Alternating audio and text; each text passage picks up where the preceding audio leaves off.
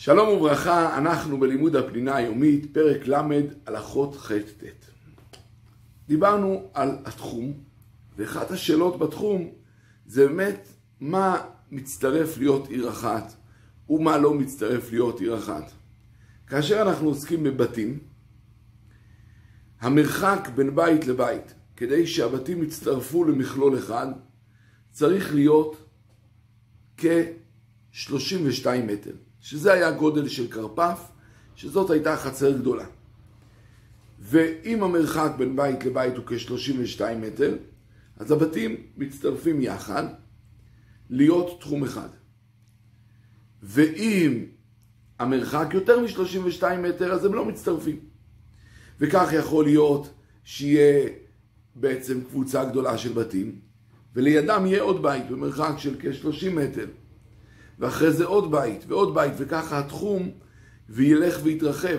והריבוע, שהוא בעצם יהיה סוג של מלבן מוערך, ילך ויתרחב ויתרחב ויתרחב, עד שיהיה בית שיהיה רחוק יותר מ-32 מטר, ואז כבר מונים אותו לבד והוא לא מרחיב את התחום.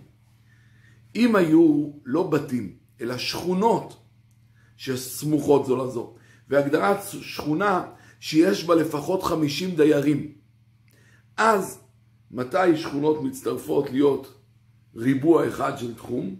זה כאשר המרחק ביניהם הוא כ-64 מטר.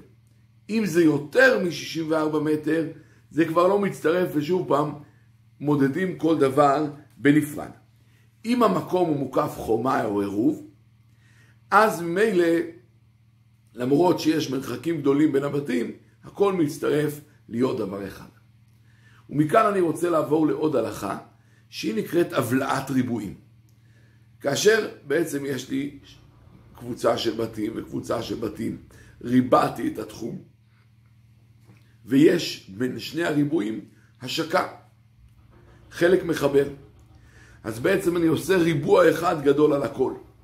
והתחום של כל מי שגר במקום יהיה אלפיים אמה מחוץ לריבוע הגדול.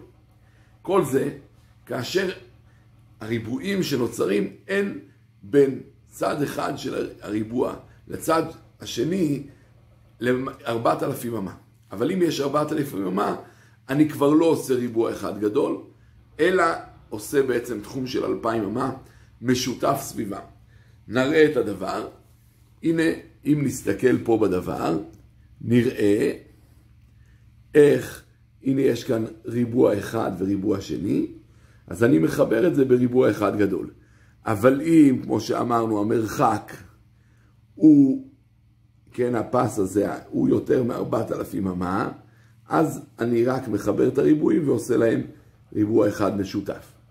כן, אבל לא, לא הופך ריבוע אחד לגדול, כי זה כבר מרחק של יותר מארבעת אלפים מטר בין הזוויות של שני הריבועים. אז זה הדין של הבלעת ריבועים, בסדר? שבעצם גם כן יוצרים תחום אחד גדול. שלום, שלום.